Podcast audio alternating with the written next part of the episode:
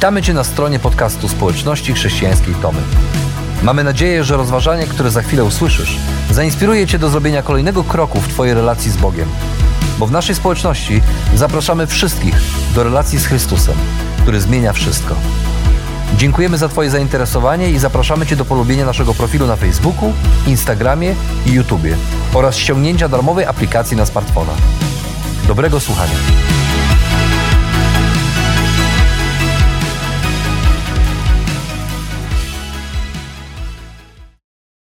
Chyba wszyscy chcemy, żeby nasze życie było takie niezwykłe, jakieś nadzwyczajne, by to, co robimy, kim jesteśmy, budziło podziw, szacunek i oczywiście dawało szczęście nam, który, który mężczyzna, jak mały chłopiec, jak był małym chłopcem, nie chciał kiedyś stoczyć bitwy, przeżyć przygodę, uratować księżniczkę, jak pisze John Eldridge.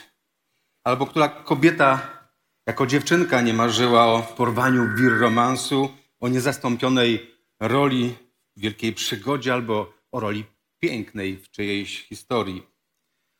A też i, nie wiem, objechać świat dookoła, y, wejść na biegun północny, południowy, wejść na Mount Everest, albo jeszcze polecieć w kosmos. To są te niesamowite rzeczy, wielkie, które fajnie byłoby w życiu przeżyć. A i dziś, może mniej romantycznie, ale też czymś dobrym, pięknym jest mieć dobrą pracę w prestiżowej firmie, dużo zarabiać dwoma, trzema językami, posługiwać się na co dzień, być fit i eko w tym, y, jak wyglądamy i jakim zdrowiem się cieszymy. Ale gdy zachwyceni tym, co niezwykłe i, i, i, i dążący do tego, y, co wielkie, zdarza się, że czasem y, odmawiamy znaczenia temu, co takie zwyczajne. Nie umiemy cieszyć się tymi, tymi małymi, zwyczajnymi rzeczami, którymi, których wiele pośród nas na co dzień. I dopiero gdy, gdy je stracimy, okazuje się też, jak bardzo były nadzwyczajne i ważne. Na przykład wartość comiesięcznej pracy, comiesięcznej wypłaty doceniamy wtedy, kiedy tracimy pracę. Przytulność mieszkania doceniamy wtedy, kiedy je tracimy kiedy zaleje nam je sąsiad albo zostaniemy okradzeni. Wartość bliskiej osoby doceniamy wtedy, gdy jej zabraknie, gdy nie zdążyliśmy jej powiedzieć, jak bardzo była dla nas ważna. Ciepłe łóżko, pracę, bez względu na to, czy, czy jest nudna, czy, czy, czy mało, czy, czy dużo płatna i, i, i jak bardzo byśmy chcieli ją zmienić. Konto w banku z kilkoma złotymi, rodziców, którzy nas kochają, dzieci, którzy nas szanują, ufają, przyjaciół, którzy ciepło o nas myślą. Bywa więc w życiu, że zachwyceni tym, co nadzwyczajne, tym, tym, tym, co wielkie, nie potrafimy dostrzec znaczenia tego, co takie, takie zwykłe wokół nas w codziennym życiu. I podobnie, myślę, bywa też taki, bywa w naszym chrześcijańskim życiu. Bo gdy pomyślimy o takich osobach w kościele, jak jak pastor, kaznodzieja, prowadzący uwielbienie, ktoś, kto modli się na językach, kto zarządza społecznością. I widzimy, jak, jak Bóg działa przez takich ludzi w, w niezwykły sposób.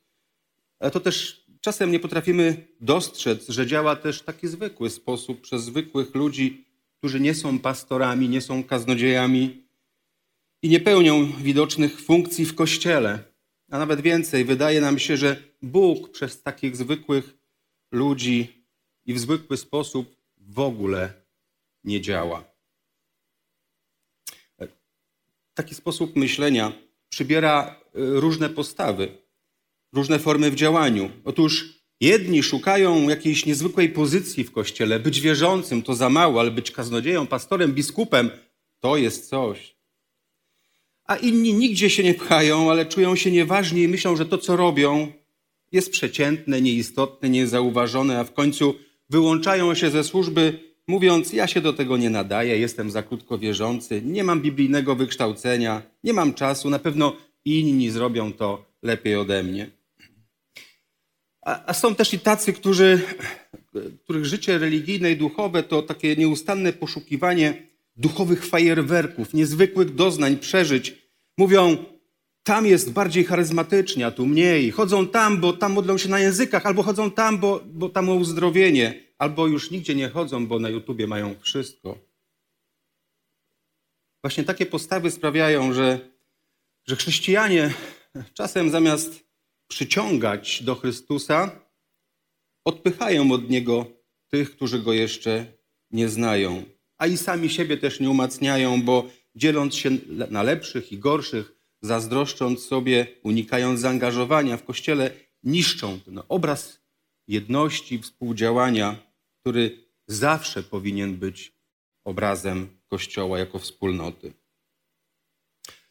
Więc pojawia się pytanie, czy Bóg naprawdę w Kościele działa tylko nadzwyczajnie i tylko przez swoich ulubieńców, gigantów chrześcijańskiej duchowości, albo jeśli, a jeśli działa też w zwykły sposób przez zwykłych ludzi, to jak może w Kościele działać przez takich zwyczajnych ludzi jak my? I odpowiedź e, na to pytanie jest w 12 rozdziale pierwszego listu do Koryntian. I tam dzisiaj e, sięgniemy, bo wierzący w Koryncie, widząc jakich nadzwyczajnych rzeczy Bóg dokonywał pośród nich, również zapominali i nie potrafili dostrzec, że działał też taki zwykły, zwyczajny sposób przez, przez ludzi, którzy niekoniecznie byli widoczni w tym posługiwaniu. Zatem czytamy w 12 rozdziale tak.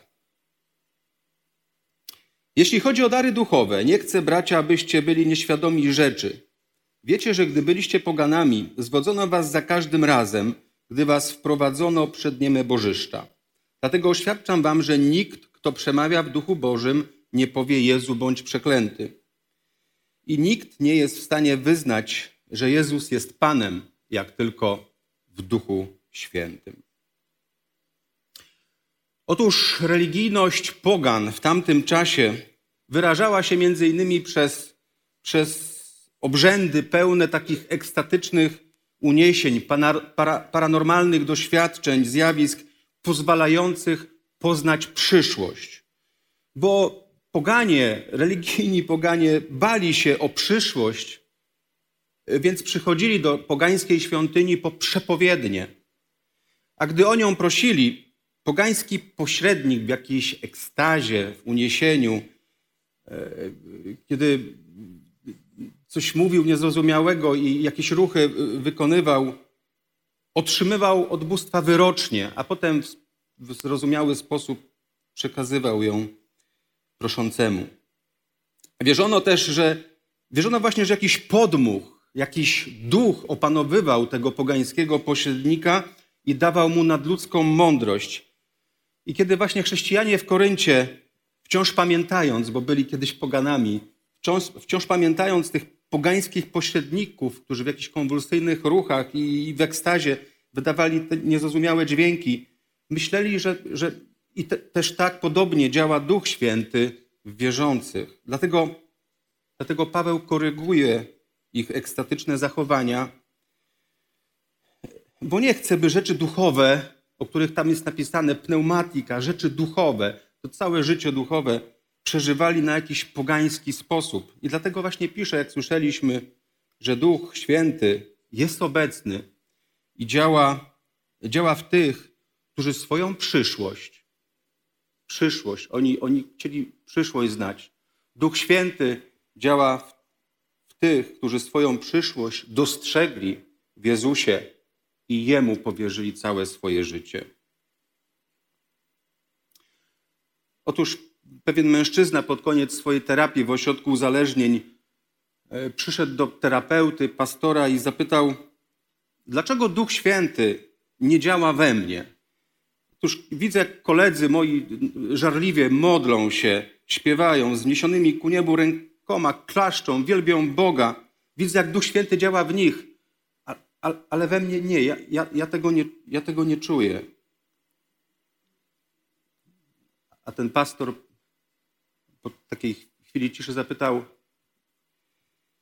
A co czujesz, myśląc teraz o swojej żonie? kocham ją i tęsknię za nią.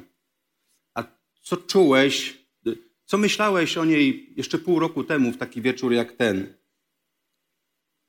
Nie myślałem o niej, bardziej myślałem o kolegach i gdzie i jak się napić.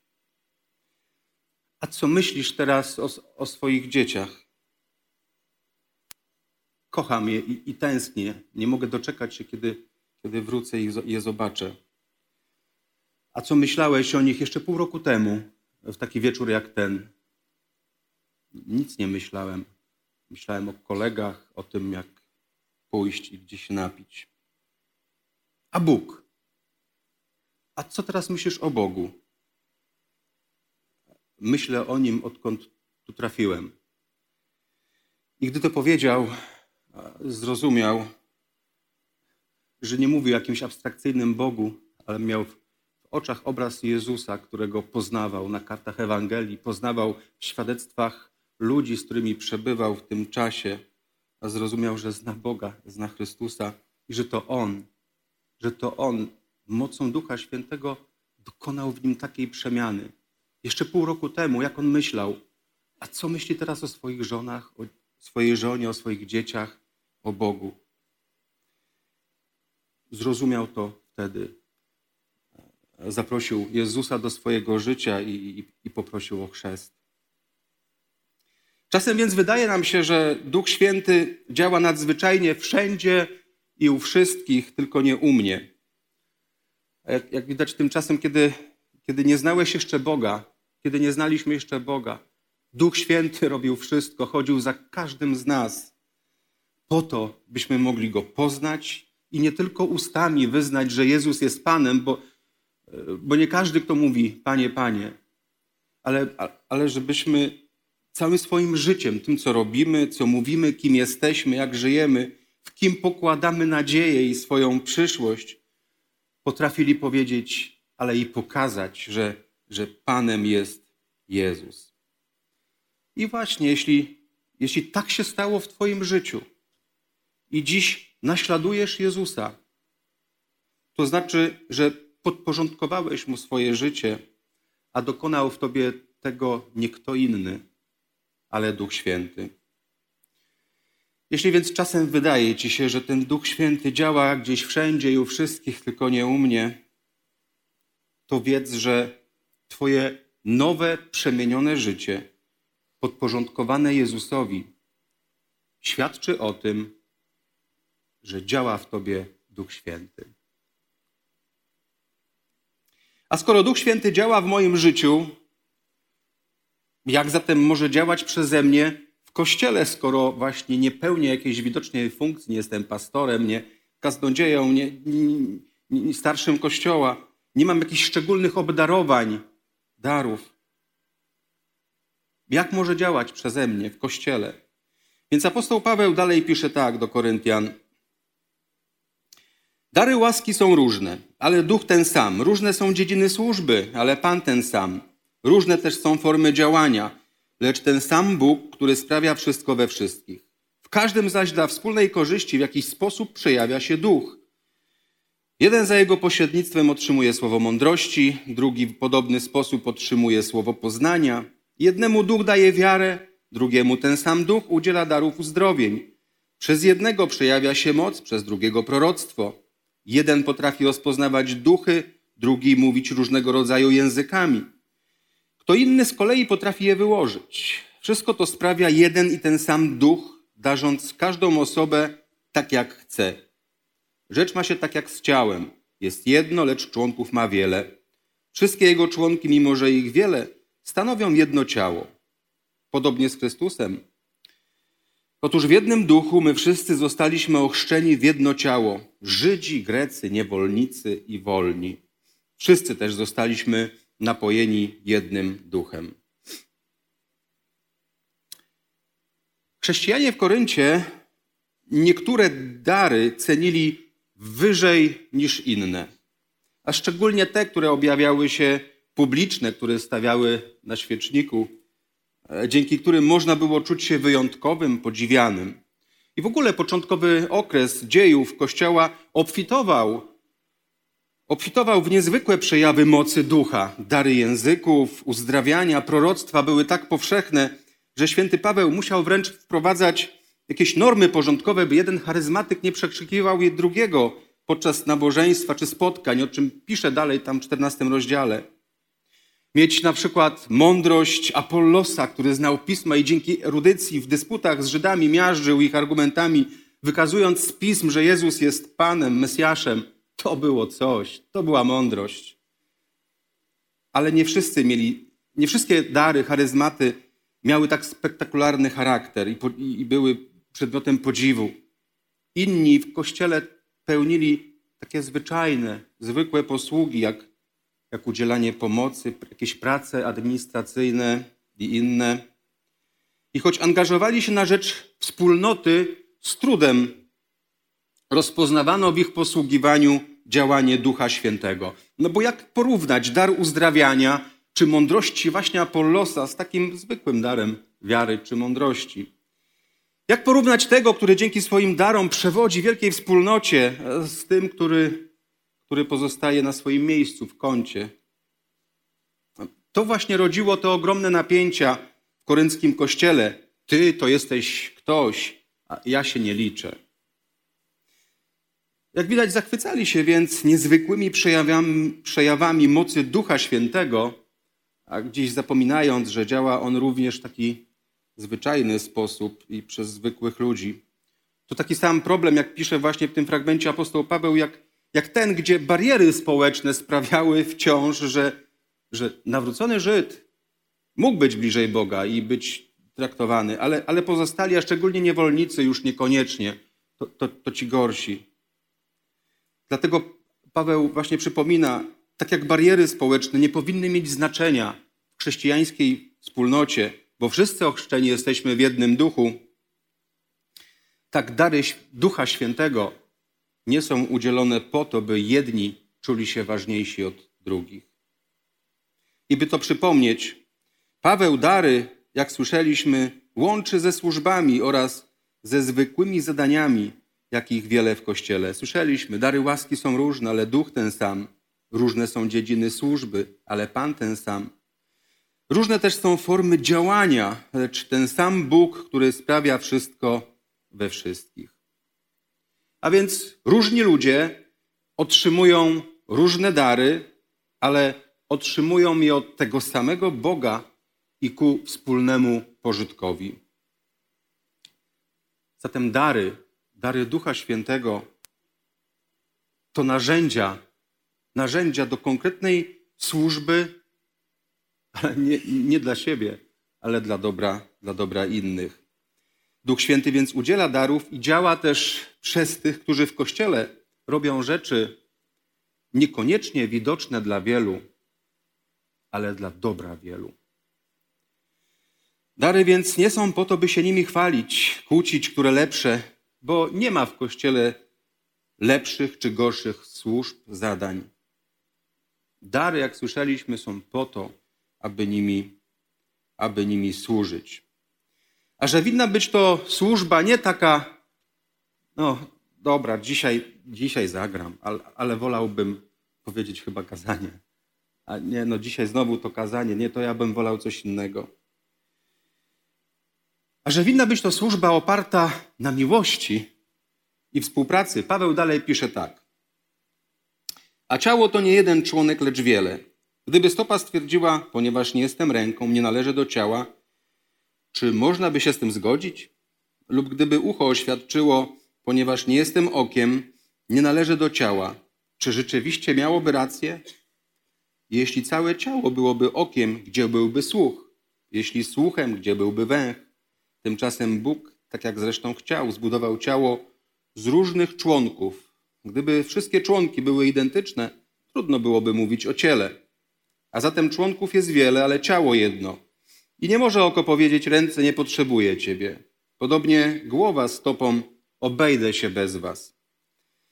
Da się nawet zauważyć, że te członki ciała, które wydają się słabsze, są o wiele potrzebniejsze. Te, które uważamy za drugorzędne, otaczamy większą troską.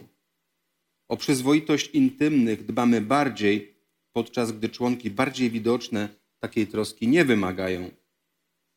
Lecz Bóg tak właśnie złożył ciało, że pomniejszemu dał większe znaczenie, aby w ciele nie zabrakło harmonii i aby wszystkie członki w równym stopniu się o siebie troszczyły. Stąd jeśli cierpi jeden członek, cierpią z nim wszystkie. Jeśli doznaje chwały jeden członek, cieszą się z nim wszystkie. Absurd to, to coś wewnętrznie sprzecznego, coś, co, co nie ma sensu. I właśnie e, jakby takim absurdem tę wypowiedź zaczyna Paweł. Absurd jest wtedy, gdyby stopa stwierdziła, że nie należy do ciała, bo nie jest ręką.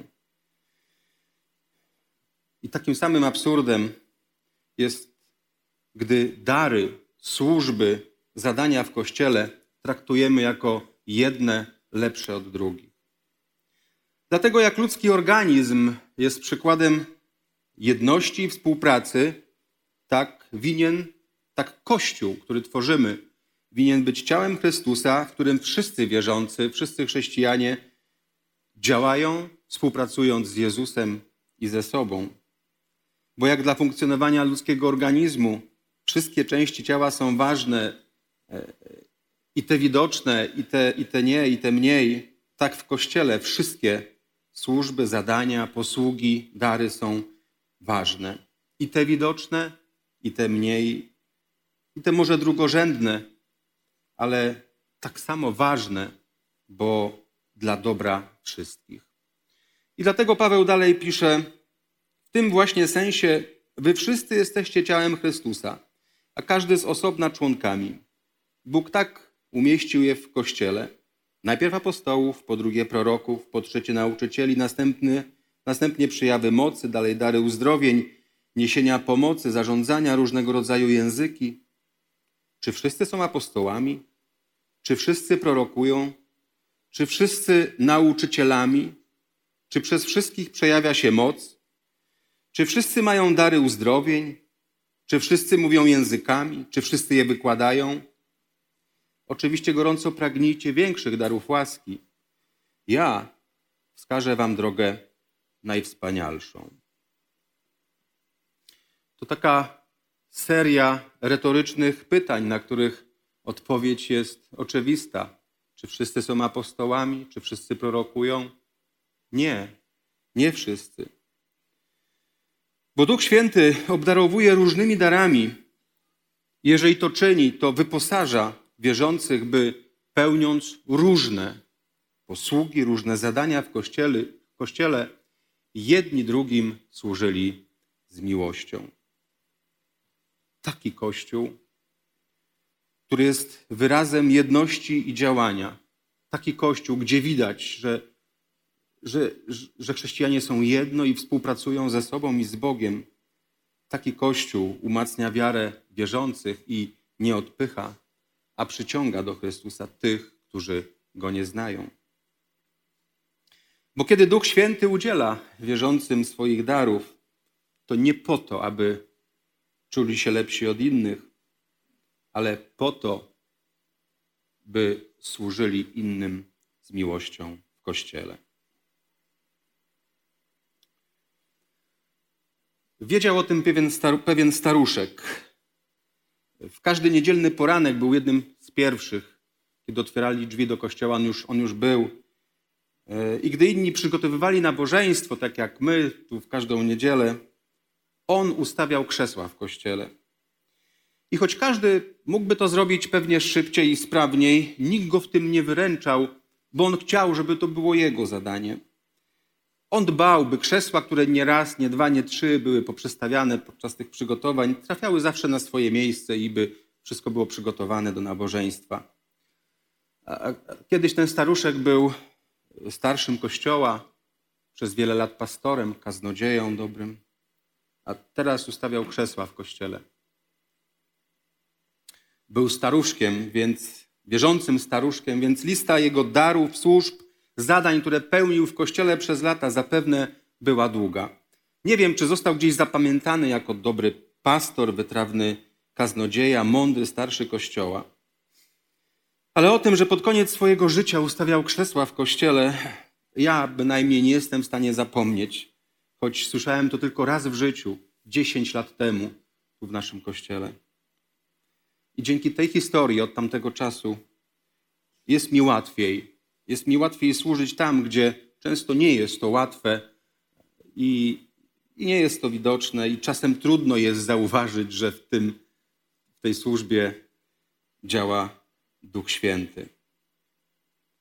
W Łodzi mamy nieduże przedszkole, ale to nie tylko przedszkole, bo to miejsce i narzędzia w rękach Boga i w naszych rękach, by dzieci, rodzice, rodziny i, i inni ludzie mogli usłyszeć Ewangelię o Chrystusie.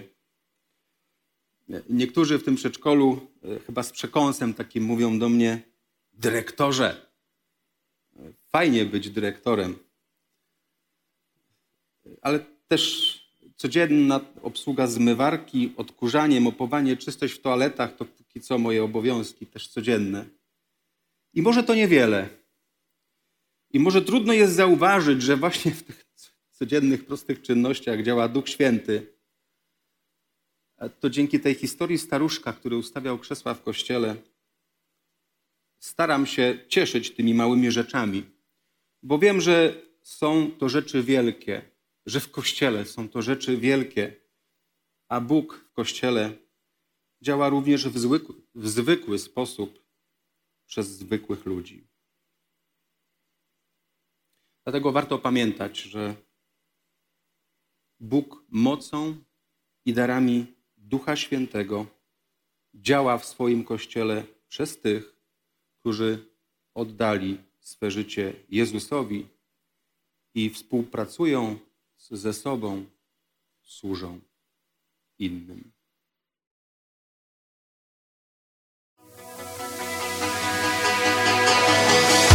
Jeszcze raz dziękujemy za wysłuchanie naszego rozważania. Jeżeli mieszkasz w okolicach Tomaszowa Mazowieckiego lub Łodzi, zapraszamy Cię do odwiedzenia nas na niedzielnym nabożeństwie. Więcej informacji znajdziesz na stronie schatomy.pl.